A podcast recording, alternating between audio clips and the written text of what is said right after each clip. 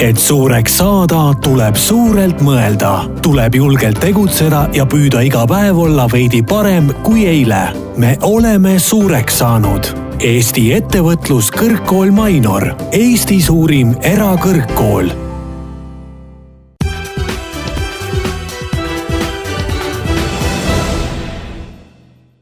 tere, täna on taskusaates Luup külaliseks Eesti Ettevõtluskõrgkooli Mainor tegevjuht Kristjan Aart. Mina olen saatejuht Juuli Nemvalts. Need, kes varasemalt on kuulanud meie eelmisi saateid, teavad juba, et Luubis leiavad käsitlemist teemad, mis on üleval olnud ajakirjanduses ja mis on kuulajatele aktuaalsed. saate Luup on eetris vähemalt kaks korda kuus. tere, Kristjan! tere! alustuseks äh, küsiksin teilt, äh, milliseks hindate Eesti hariduspoliitikat laiemalt? kui hea tervise juures on meie haridussüsteem täna? no väga optimistliku inimesena ma ütleksin, et see, kui palju haridusteemad on viimasel ajal olnud meediapildis ja ka poliitiliste vaidluste objektiks, siis see on äh, ainult tore, et ähm, äh, varem ju nii palju ei olnud, aga, aga eks see on ainult esimene samm probleemide lahendamiseks. et äh, ma arvan, me hakkame ühiskonnana alles jõudma sinna, kus näiteks Põhjamaad juba ammu on, et haridus ongi üks olulisemaid, kesksemaid avalike debattide teemasid sest me vaikselt ühiskonnana alles hakkame aru saama, et, et tegelikult haridus on stabiilse jätkusuutliku rikkuse tõeline allikas. et väga tore, et meil on põlevkivi ja väga tore, et meil on turvast ja ja, ja, ja, ja väga tore, et meil võib-olla on, on, on ka fosforiiti ja keegi räägib, et kuskil äkki isegi on, on, on rauda ja kulda meie maapõues, aga noh, nende väljakaevamisega me nagu püsivalt rikkaks ei saa et isegi, isegi maavarade rikkad riigid nagu, nagu Pärsia lahe äärsed riigid, näiteks Norra, Äh, on ikkagi aru saanud, et väga tore, et neil on naftat, aga see on ainult sisendkapital selleks, et välja arendada teadmistepõhine majandus. ja, ja Eesti nendega võrreldes, noh, meil siin nii-öelda ei leidu midagi, meie ainus ressurss ongi meie ajud äh, ja, ja kui meie, noh, kui me tahame olla maailma rikaste riikide absoluutses tipus, mitte seal, seal, seal keskmike seas, kus me täna oleme,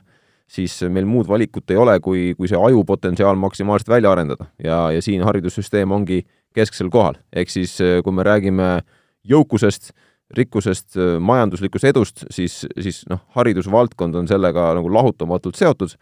ja võib-olla see nagu suurim probleem seni on see, et neid on kiputud vaatama eraldi. Kuskil, kas jah. Praegult ühiskonna ja ettevõtja, ettevõtjate ootustele üldse vastab see meie tänane haridussüsteem?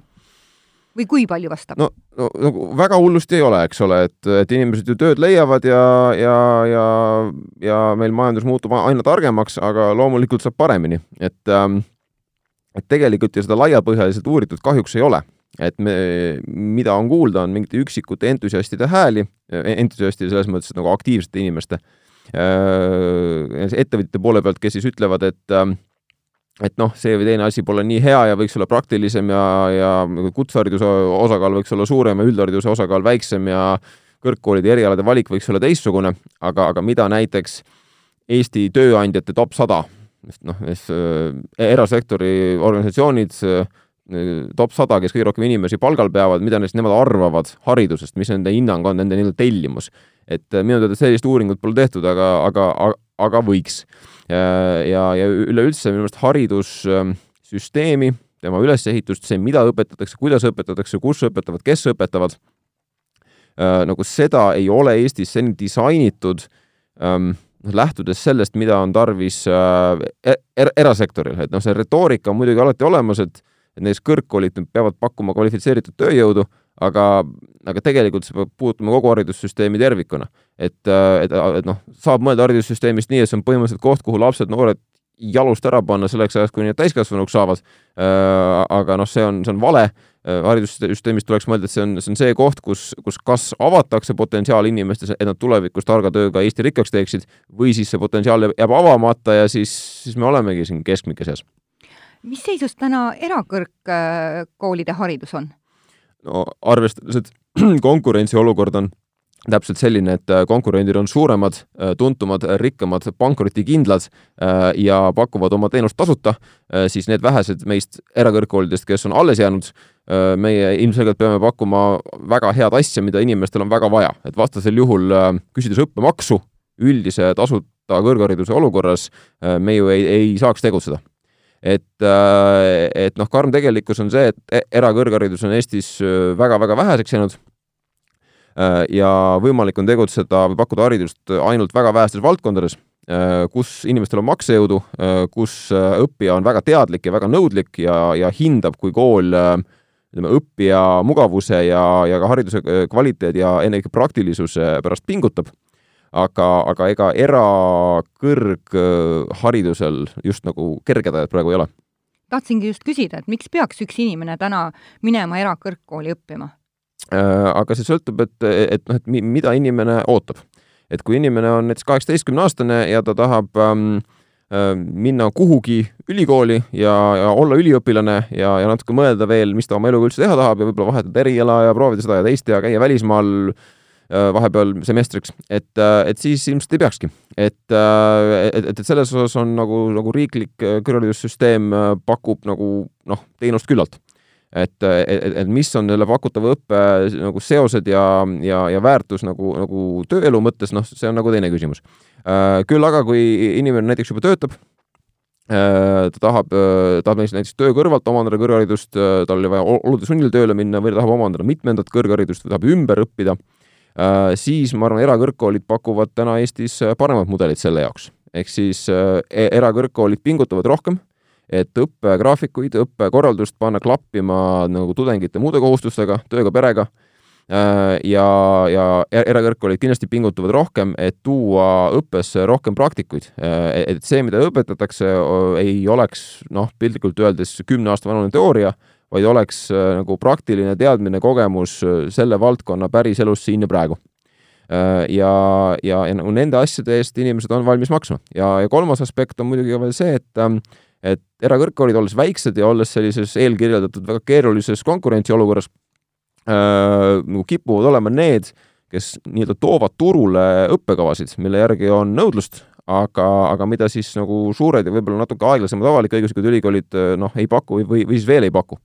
et äh, ette, ettevõtluskõrgkoolist Minor võib siin tuua ka näiteks äh, arvutimängude disaini eriala, mis nüüd äh, on saanud nelja-aastaseks, millel läheb väga hästi, millel on palju üliõpilasi,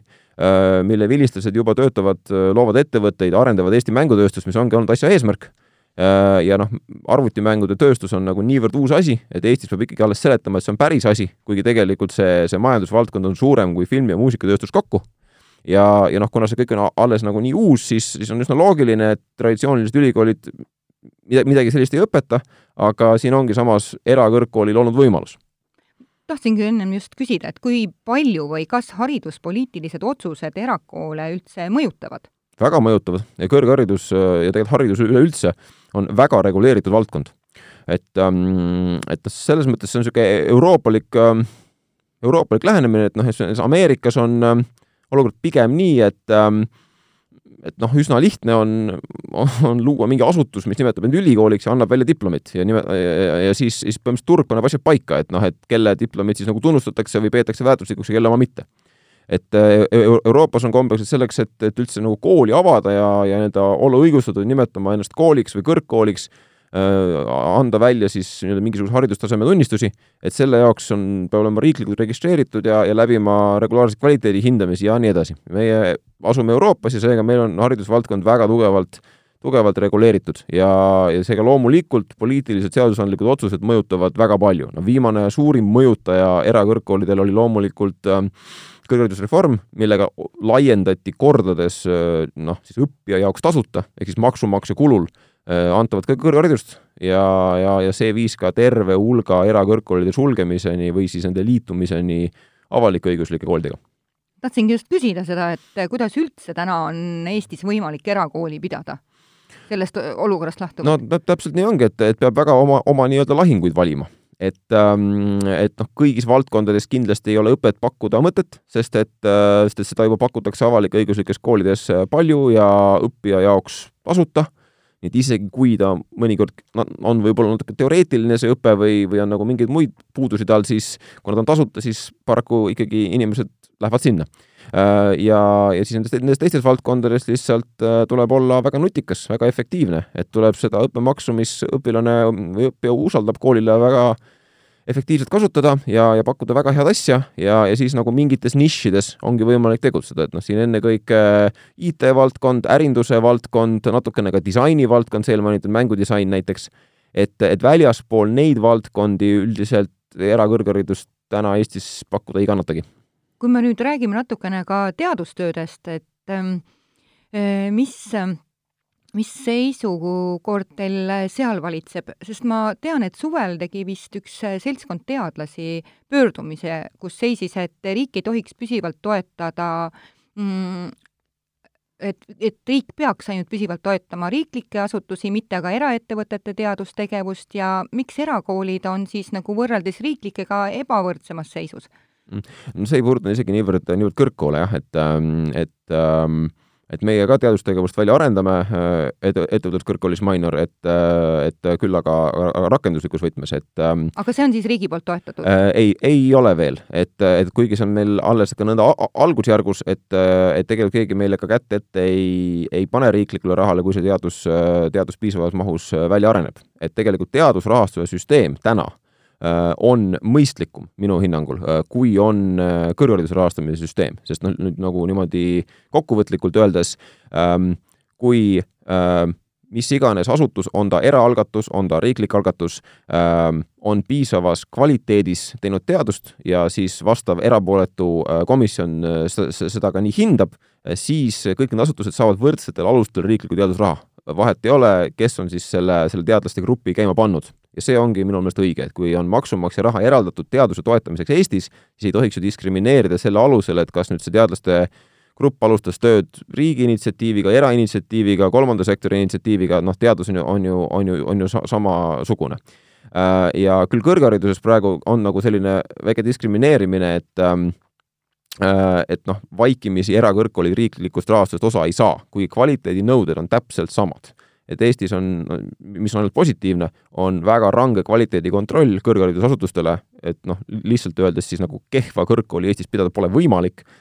äh, siis, äh, siis aga, aga er, erakõrgkoolid, isegi kui nad on kvaliteedis samal tasemel, mis riiklikud või avalik-õiguslikud, siis riiklikust rahastusest kuidagi vaikimisi osa ei saada, selleks oleks vaja mingisugust eriotsust aga vaadates, kuidas meil nagu haridusraha üleüldse napib, siis noh, siis selle otsuse saabumine pole väga reaalne. aga mis puutub teadusesse, siis see, mis te mainisite, et see oli küll vist juba kevadel, jah, et, äh, et ma võtsin ka selles natuke sõna, et, et see oli vist küll nagu küllalt väikese, väikese grupi mingisuguste teadlaste, kes isegi ei esinenud oma, oma isikunimede all, nagu nende selline nagu niisugune seisukohavõtt, et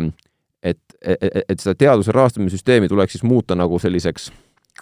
noh, ma siis ei tea, riigikesksemaks või ma siis kommunistlikumaks, et kui täna, nagu ma ütlesin, on nii, et kui äh, kui, kui inimesed teevad teadust ja, ja on selles väga head, siis vahet pole, kas nad töötavad erasektoris, avalikus sektoris, äh, siis riiklikku teadusrahastust nad saavad saada samadel tingimustel, võrdselt. siis see ettepanek oli, et kui näiteks eraettevõttes tehakse teadust, noh, kuskil äh, farmaatsiafirmas või, või kuskil IT-firmas tehakse teadust ja seda tule, tulemusi avaldatakse mainekates teadusajakirjades, noh, tehakse täpselt samamoodi kõike, nagu tehakse ülikoolis, siis sellepärast, et tegu on eraettevõttega, sellepärast tuleks keelata neile inimestele riiklikku teadusrahastust ehk siis, ehk siis nii-öelda mingisugused teadlased tegid ettepaneku diskrimineerimiseks selle alusel, et, äh, et keegi on eraettevõtja, et noh, minu meelest Eestis viimati tehti seda siis, kui inimesi loomavagunitesse pandi ja Siberisse saadeti selle eest, et nad tööd pakkusid inimestele. et, äh, et ma saan muidugi aru äh, ma saan muidugi aru teadlaste frustratsioonist ja see on igati põhjendatud, isegi viha on põhjendatud, sest et noh, see, kuidas asjad on Eestis teadusrahastusega, on täiesti absurdne. aga siis ei tohi nagu laskuda nagu teise äärmusesse ja, ja siis hakata nagu selliseid kommunistlikke ettepanekuid tegema, et see ei suurenda teadlaskonna tõsiseltvõetavust kindlasti mitte. ja, ja see ei ole ju ka, ju, ju, ju ka reaalne lahendus, et kui meil on teadussüsteemis raha vähe äh,, siis me peaksime nagu karistama ja demotiveerima neid erafirmasid, kes on alguses omal kulul arendanud välja tipptasemel teaduse, see on ju absurd. aga äh, ikkagi ma olen täiesti kindel, et see oli mingisugune, mingi väike grupp inimesi ja see kindlasti ei ole Eesti teadlaskonnas niisugune üldlevinud seisukoht aga, aga pigem siit võiks kõlama jääda see, et ähm, et noh, teadlased on meeleheitel ja teadlased on, on nagu väga-väga stressis ja frustratsioonis, sest meil teadusrahastusega on, on halvasti. kui me nüüd küsime teise kandi pealt, et äh, millist kõrgharidust tänane tudeng ootab, et ähm, kas see peab olema üldse kõrghariduse formaadis, järsku võiks olla mingi avatud kõrgkool või kutseharidus või äh, no ja, ja ei, mina olen, olen seda meelt, et kõrgharidusel on kindlasti oma, oma roll ühiskonnas. et, ähm, et noh, kõrgharidus, eks ole, teda eristab äh, kutseharidusest. see, et noh, piltlikult öeldes, kui kutsehariduses ähm, äh, nagu seletatakse inimesele, kuidas asjad on ja õpetatakse teda nagu asju mingil viisil tegema, siis kõrghariduses ähm, inimest, kuidas siis öelda, noh, mitte niivõrd õpetatakse, aga julgustatakse või innustatakse äh, küsima, miks küsima iseendalt, miks ja küsima teistelt, miks. inimesele õpetatakse teaduslikku meetodit, inimesele õpetatakse kriitilist mõtlemist. no kriitilist mõtlemist võiks, võiks juba gümnaasiumi õpetada ideaalis, aga aga, aga õpetatakse aru saama, kuidas üldse teadmised tekivad inimkonnal ja õpetatakse nii-öelda neid tööriistu elementaarselt valdama, kuidas neid teadmisi ka juurde tekitada, sest noh, näiteks magistritöö on ju tegelikult juba väikeses mahus teadustöö. et ähm, et noh, kõrgharidus, noh, kui nüüd selline haridusformaat, tal on kindlasti äh, nii-öelda meie äh, targa majanduse infoühiskonnas oma koht, tema kuhugi, kuhugi kindlasti ei kao. küll aga äh, ta ei pea kindlasti toimuma sellise plokina, nagu ta traditsiooniliselt on toimunud. et kindlasti ei pea teda omandama niimoodi järjest kolme või kahe aastaga. Äh, see võib ka olla hajutatud pikema aja peale näiteks, kui see klapib näiteks inimese töö- ja pereeluga kõrgharidust kindlasti ei pea omandama kohe pärast keskkooli ja siis on sellega korras, siis on kõrgharidus olemas ja siis, ja siis nii-öelda nagu see faas elust läbi. pigem ikka neid haridusi on elu jooksul mitu vaja ja pigem siin on väljakutse koolidele, et kuidas siis kõrghariduse pakkumist äh, panna klappima inimeste muude väljakutsetega. Äh, ja kui näiteks sellega, et inimesed töötavad eri riikides, näiteks sellega, et, et õpivad näiteks samas auditooriumis kahekümneaastased ja kuuekümneaastased ja, ja siis ka see, et, et kuidas ähm, võimaldada juba omandatud kõrghariduse siis nii-öelda nii-öelda versiooni uuendust, et nagu meile annab telefon teada, et oh, sinu äpil on tulnud uus versioon, et kas sa oled nõus, et lae see alla, noh siis tegelikult see äpp on valdavalt samasugune, aga mingi asi seal on muutunud. et äh, et mainisite no, avatud kõrgkooli või avatud õppeformaati, no see tähendab ju seda, et inimene läheb, läheb kooli tagasi äh, selleks, et läbida seal mõningad õppeained et noh, olla seal auditooriumis üliõpilastega koos, kes võivad olla temast inimpõlv nooremad näiteks äh,, aga siis mingis valdkonnas saada see, see uusim teadmine, teadmine kätte, mis on kõrghariduse kvaliteedis, mis ei ole lihtsalt mingisugune koolitus äh,, aga et inimene läheb kooli nii-öelda mõne üksiku õppeaine jaoks ta vist on läinud ka üsna popiks Eestis. see jaa, ta, ta aina populaarsem on, aga, aga, aga ma, ma, ma kahtlustan, et tegelikult noh, see, see teadlikkus on ikka veel väga madal. et tegelikult äh, kõik või vähemalt valdav enamik Eesti kõrgkoole sellist võimalust pakuvad. tegelikult noh, enamik õppeaineid, mis toimub kõrgkoolide seinte vahel, noh, sinna on võimalik minna ka nii-öelda noh no,, nagu koolitusele, lihtsalt sellesse õppeainesse osalema. aga, aga ma arvan, teadlikkus sellest võimalusest ja ka siis ütleme nii, et teenuse disain, kuidas siis saab neid aineid leida ja valida ja nende kohta infot ja end sinna registreerida ja kõik see, et noh, see vajaks nagu natuke arendamist, sest inimesed tänapäeval on harjunud sellega, kõik on väga mugav, äh, et meil teenindussektor on väga heal tasemel, et siis tegelikult noh, kõrgkoolid peaks ka sellega kaasa tulema, et noh, me võiksime sellest tegelikult tunde rääkida, aga noh, kuna niisugune küsimus oli, et noh, quo vadis kõrgharidus, et siis võib-olla need on niisugused mõned märksõnad, mis minu meelest minu meelest trendi iseloomustavad, aga ikkagi kõlama võiks jälle jääda see, et, et ei, et mingisugused äh, ma ei tea, Youtube'i videod ja, ja, ja, niisama koolitustel käimine kõrgharidust kui sellist äh, kindlasti ei asenda, pigem mida, mida tehnoloogiakesksem ja mida, mida niisugune keerukam ja nutikam meie, meie ühiskond on, seda rohkem on seda kõrghariduse vundamenti, seda harjumust küsida, miks, seda arusaamist, kust üldse tuleb teaduspõhine teadmine, äh, seda on aina rohkem ja aina rohkem matel vaja samas on see suundumus, et noored lähevad järjest rohkem välismaale õppima, et äh, Kristjan, kuidas kommenteerite seda? no see, kui inimesed käivad ja tagasi tulevad, see on ju hästi tore, et ähm, mm, et, et see, kui püsivalt äh, minnakse ja siis tagasi tullakse, see on ka tore. Äh, ja, ja kui, kui lähevad inimesed õppima ja jäävad sinna, siis ähm, noh, mina mõtlen sellest nii, et, et kui keegi sünnib Eestis, aga siis üks hetk tunneb ära, et hingelt on austraallane Äh, et siis, äh, et siis ei ole ju mõtet inimest traumeerida ja sundida teda Eestis elama. et, et tegelikult noh, piiride kinnipanek kindlasti kuidagi ei aita või et äh, me ei hakka vanemaid näiteks karistama selle eest, nad peaksid mingisuguse maksu tagasi maksma mm., et me oleme tasuta lapsi koolitanud. jah, vot ei no aga see on nagu teine lugu, et, et noh, samamoodi nagu, nagu, nagu põhiseadus ütleb, et, et teadus ja, ja, ja, ja kunst on vabad, noh, see ei tähenda seda, et igasugusele teadusele, igasugusele kunstile nüüd tuleb anda maksumaksja rahast ohjeldamatult toetust. see tähendab seda, et riik ei sekku, et riik ei kehtesta tsensuuri näiteks. et ähm, et, et see rahastamise küsimus on hoopis teine, et minu meelest selles mõttes on iva olemas, et kui ähm, kui Eesti maksumaksja rahast on kellegi haridus kinni makstud, siis inimesel on pärast ka kohustus mingi hulk aega Eesti riigile makse maksta töötajana või ettevõtjana ja, ja kui inimene soovib oma haridust ise finantseerida ja siis pärast Eestile mitte makse maksta, siis, siis see on ka väga aus variant. sest noh, tegelikult ähm, mm,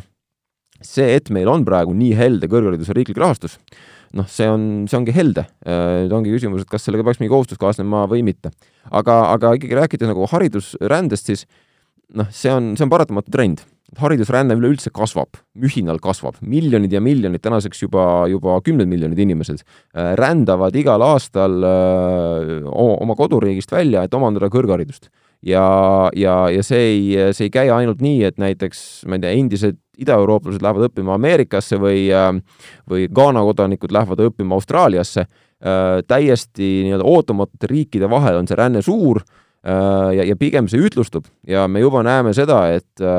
et küll vähesel määral täna, aga siiski, Euroopa noored lähevad, lähevad õppima näiteks Indiasse. Et, et noh, et see, see, et olla õppinud välisriigis, et noh, see võib-olla on uus normaalsus ühel hetkel. Aga, aga see, et Eesti noored lähevad välismaale, seda ei ole ka vaja kuidagi, kuidagi piirata. Noh, pigem tuleb mõelda, et nagu mis see mudel on ja kuidas siis nagu noh, me kõik võidame sellest. Teemegi siin ühe väikese pausi, et hetke pärast tagasi tulla ja rääkida juba välistudengite teemal et suureks saada, tuleb suurelt mõelda, tuleb julgelt tegutseda ja püüda iga päev olla veidi parem kui eile. me oleme suureks saanud. Eesti Ettevõtlus Kõrgkool Mainor, Eesti suurim erakõrgkool nii, jätkame saadet ja täna on külaliseks Eesti Ettevõtluskõrgkooli Mainor tegevjuht Kristjan Oad. Eh, Kristjan, välistudengite teema on see, mis ei jäta mitte kedagi Eestis külmaks, et mm, et siis äh, väli, välistudengite pärast on saanud ülikoolid tugevasti nahutada ja teie koolis ka õpivad sajad välistudengid, et miks meil üldse, me tahame neid Eestisse? Oleks see siis nii, et kedagi teema külmaks ei jäta, et, et pigem nagu haridusvaldkonna teemadega üldse noh, ikka teadlikkus võiks olla palju suurem, et nagu ma ka juba saate alguses ütlesin, et et ma arvan, meil oleks parem ühiskond, kui, kui kõikvõimalikud haridusteemad lasteaiast doktoriõppeni välja ja teadust takkapihta oleksid ühiskondlikes debattides nagu rohkem, rohkem pildis, et et, et seda esiteks, aga välisüliõpilastest noh, see on kindlasti Eestis uus teema, sest et Eesti ei ole ingliskeelne riik. aga kas meil ei ole mitte pa hästi palju müüte sellega seotud? absoluutselt on. Nad tulevad ju ainult selleks siia, et siin elada, aga mitte õppida no kas ei ole selline uskumus? teisiti on raske tulla, kui mitte õppida, et nagu öeldud, kõrgharidus Eestis on väga reguleeritud äh, ja ka, ka, ka nii-öelda kontroll selle üle, kas ja kuidas üliõpilased koolis käivad ja aineid läbivad, on, äh, on noh, intensiivne. Äh, nii et, nii et ei, et loomulikult need, kes tulevad üliõpilasena Eestisse, tulevad siia õppima. Ja, ja et, et nii-öelda olla üliõpilasena Eestis ja mitte õppida, no see on võimatu. Et, et noh, loomulikult mõnda aega saab nagu luuslangi lasta, saab iga, iga, iga üliõpilane luuslangi lasta, aga siis ühel hetkel on õpe nii-öelda läbitud eksamid on lihtsalt nii vähe, siis inimene visatakse välja, et ähm, et kui inimene üldse koolis ei käi, siis see juhtub esimese semestriga, kõige hiljem esimese aastaga, aga, aga noh, välisüliõpilaste puhul eriti noh, ma võin öelda ettevõtluskõrgkooli Mainor kohta, et noh, meil on nagu väga operatiivne pidev ülevaade inimeste õppe, õppeedukusest, ma eeldan, et, et avalik-õiguslikes ülikoolides on samuti, kus õpib lõviosa välisüliõpilasi Eestis. et, ähm, et, et kes tulevad Eestisse õppima, need tulevadki ikkagi õppima ja pealegi oma raha eest, eks see väga kallis lõbu lihtsalt niisama tulla siia, eks. no tegelikult see oma raha eest on natuke niisugune nagu pikantsem teema, et mm, -hmm. et no meile küll, et, äh, et, et seda, seda võin öelda, et ettevõtluskõrgkool Mainor tegeleb Eesti hariduse ekspordiga ehk siis iga välisüliõpilane, kes meil õpib, äh, toob äh, mitte ainult Eesti kõrgharidusse, aga, aga ka Eesti riigikassasse maksude näol raha kõvasti juurde. ja, ja ühtlasi meie nagu ka Eesti üliõpilastele, nii ka, nii ka välisüliõpilastele jõudumööda ikka katsume õppegraafikuid, tunniplaane seada nii, et inimesed, kellel on huvi juba ennast ka tööalaselt realiseerida, saaksid seda ka teha. ehk siis, ehk siis peame ka arvestama, et Eesti on äh, kibedas tööjõunäljas riik ja inimesed, kes on tulnud siia õppima, on äh, on akadeemilised sellisel tasemel, et nad on saavutanud vastuvõtu kõrgkooli, siis need on kindlasti ka inimesed, kes saavad väga hästi panustada tööjõupuuduse leevendamisse. Äh, aga mis puudutab jah, seda õppemaksu küsimust, siis ähm, ähm, noh, avalik-õiguslikes ülikoolides, nii nagu mina aru saan äh,, pigem ingliskeelse õppe lugu nagu sellele makstakse peale. ehk siis äh,, ehk siis kokkuvõttes äh, Eesti maksumaksja raha eest valdavas osas toimub välismaalaste õpetamine inglise keeles, kuigi trend on positiivne. et seda tuleb tunnustada, et, et võrreldes näiteks kolme aasta taguse olukorraga aina rohkem õppekavasid on tasulised, õppemaksud ka vaikselt tõusevad, kuigi mõnel juhul on ikka veel naeruväärselt madalad, aga, aga, aga mulle tundub, et ikkagi niisugune ka ühiskondlik surve liigutab asja sinnapoole, et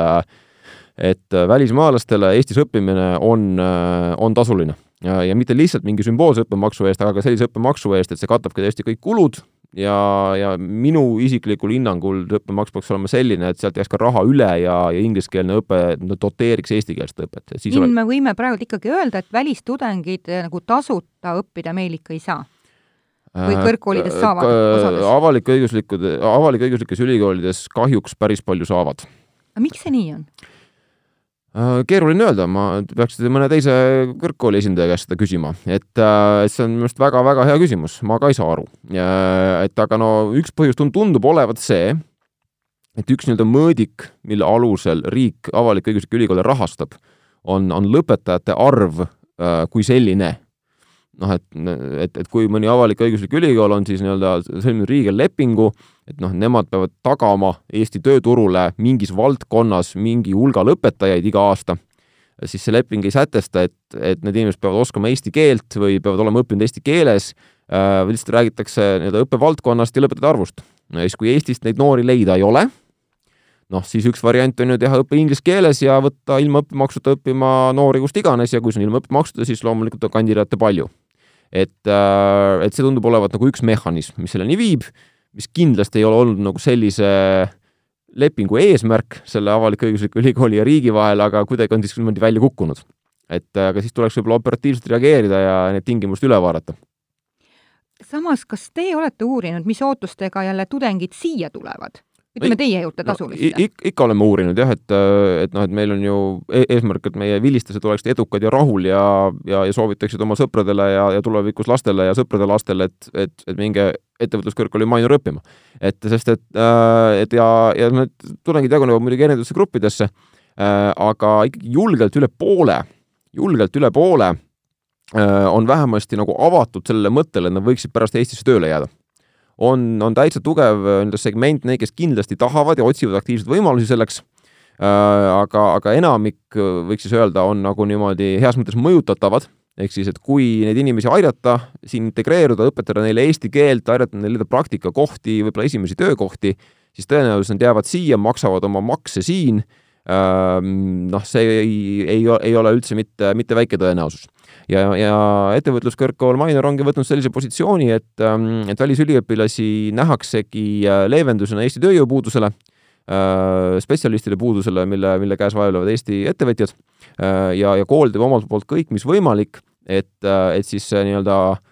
vakantsed töökohad või isegi loomatu töökohad inimeste puuduses, mis on ettevõtluses ja siis need üliõpilased nii-öelda leiaks teineteist et õpetame väga suures mahus äh, eesti keelt välisüliõpilastele. ma just tahtsin küsi-, küsida, et kui motiveeritud nad on seda õppima? Äh, on väga, on väga, seda oleme uurinud, et, äh, et noh, loomulikult on nagu mingi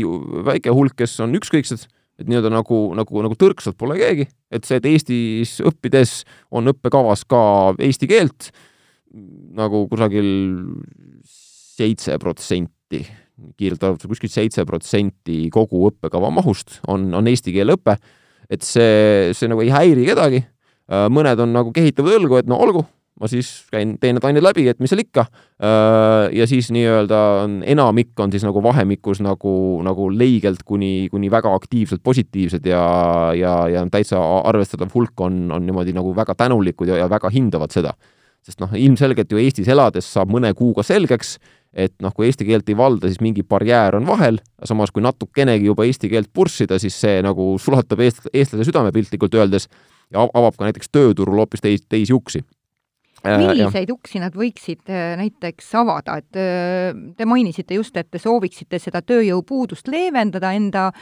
lõpetanud välistudengite abil, aga, aga millistes valdkondades? no ennekõike info, infotehnoloogia, et, et seda loomulikult, et see on üldse väga rahvusvaheline valdkond, töökeel seal kipub olema inglise keel Äh, inimesed liiguvad seal üldse väga palju, lähevad eestlased välismaale tööle, tulevad välismaalased siia tööle äh, ja ka rahvusvahelistel tudengitel on, on selles valdkonnas tööd leida kõige lihtsam, kuna seal on see juba see niisugune töö, tööatmosfäär ongi selline globaalne.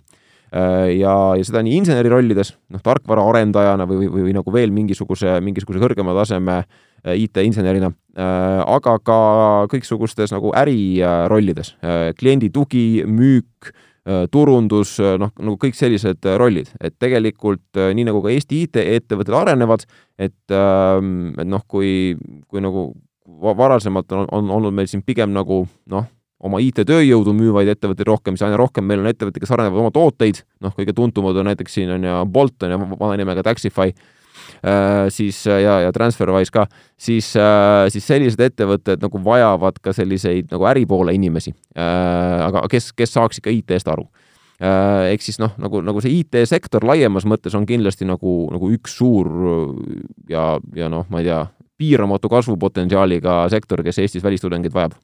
Samas õppest ainult ei piisa, nad peaksid käima ka praktikal, et kui varmad on Eesti ettevõtjad võt-, võtma endale välistudengeid äh, praktikantideks? aina rohkem, kusjuures, et, ähm, et äh, vähemalt ettevõtluskõrgkooli minor kogemuses siis äh,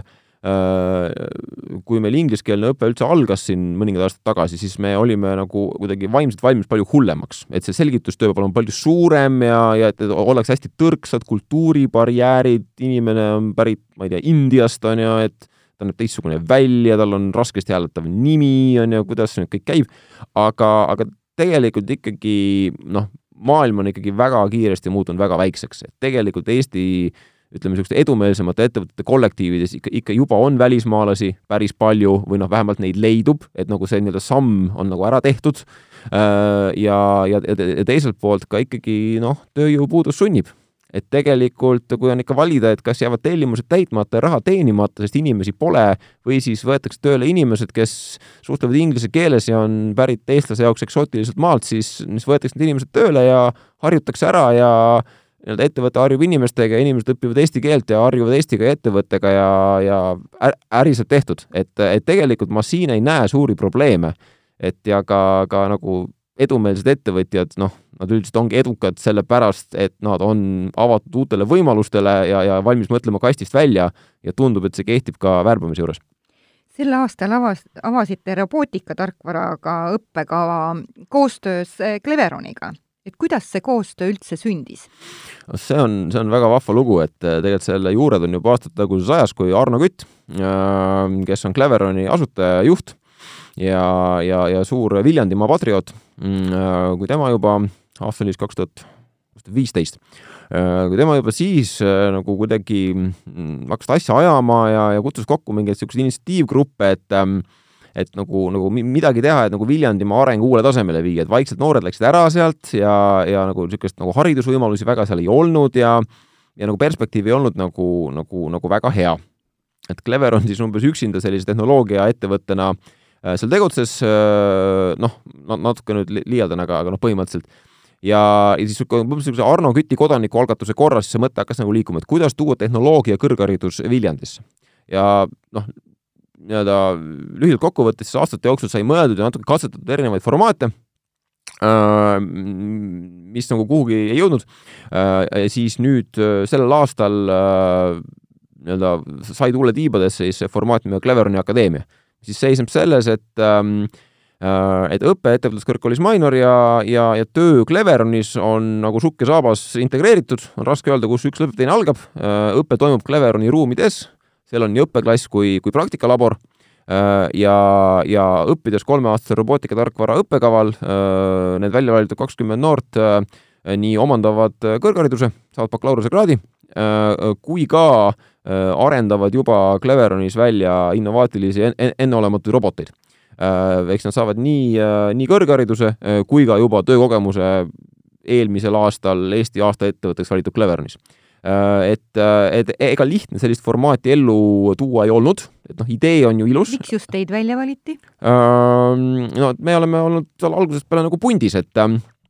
et, äh, et äh, ettevõtluskõrgkoolil Mainor on ju olnud äh, aastate jooksul õppekeskusi viieteistkümnes Eesti linnas, et ei, ei ole maakonnakeskust, kus, kus me ei oleks õpet pakkunud eri aegadel.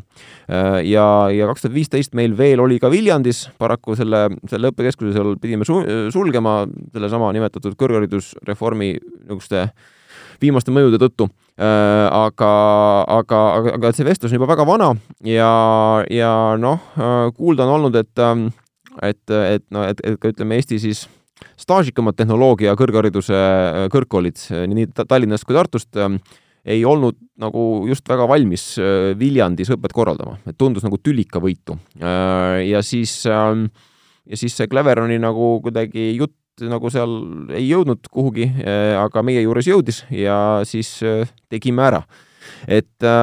et see selles mõttes iseloomustab ettevõtluskõrgkooli Minor tegevust üleüldse, et nagu kooli nimigi ütleb, siis niisugune ettevõtlikkus ja julgelt uute asjade proovimine, et, et see on selle organisatsiooni DNA-s ja ja, ja, ja kindlasti ka tulevikus on niisugused koostööformaadid võimalikud. Kas riik on ka mingil moel teie ühisprojekti vastu huvi üles näidanud või äh,? huvi jaa, muidugi äh,. ikka on uuritud, et mis toimub ja, ja kas kõik ikka on korrektne äh,. kuidagi rahaliselt toetanud seda? ei äh,. ei, et ma arvan, ma ei tee kellelegi liiga, kui ma selle siin välja ütlen, et ei mitte omal algatusel ega ka, ega ka mitte siis meiepoolse initsiatiivi peale et äh, juhtides tähelepanu Cleveroni Akadeemia mitmekülgselt heale mõjule küll, küll sellise teenäitajana ettevõtluse ja kõrghariduse koostöö osas, küll regionaalpoliitilisele mõjule, paraku ja seni ei ole olnud siis äh, vähemalt haridusrahastusest äh, võimalik seda toetada. aga äh, pole hullu äh,, et, et kasutan võimalust Cleveroni mõõdurundult kiita, nagu ma seda alati teen, et, et hetkel Cleveroni Akadeemia toimub täielikult AS Cleveroni rahastusel.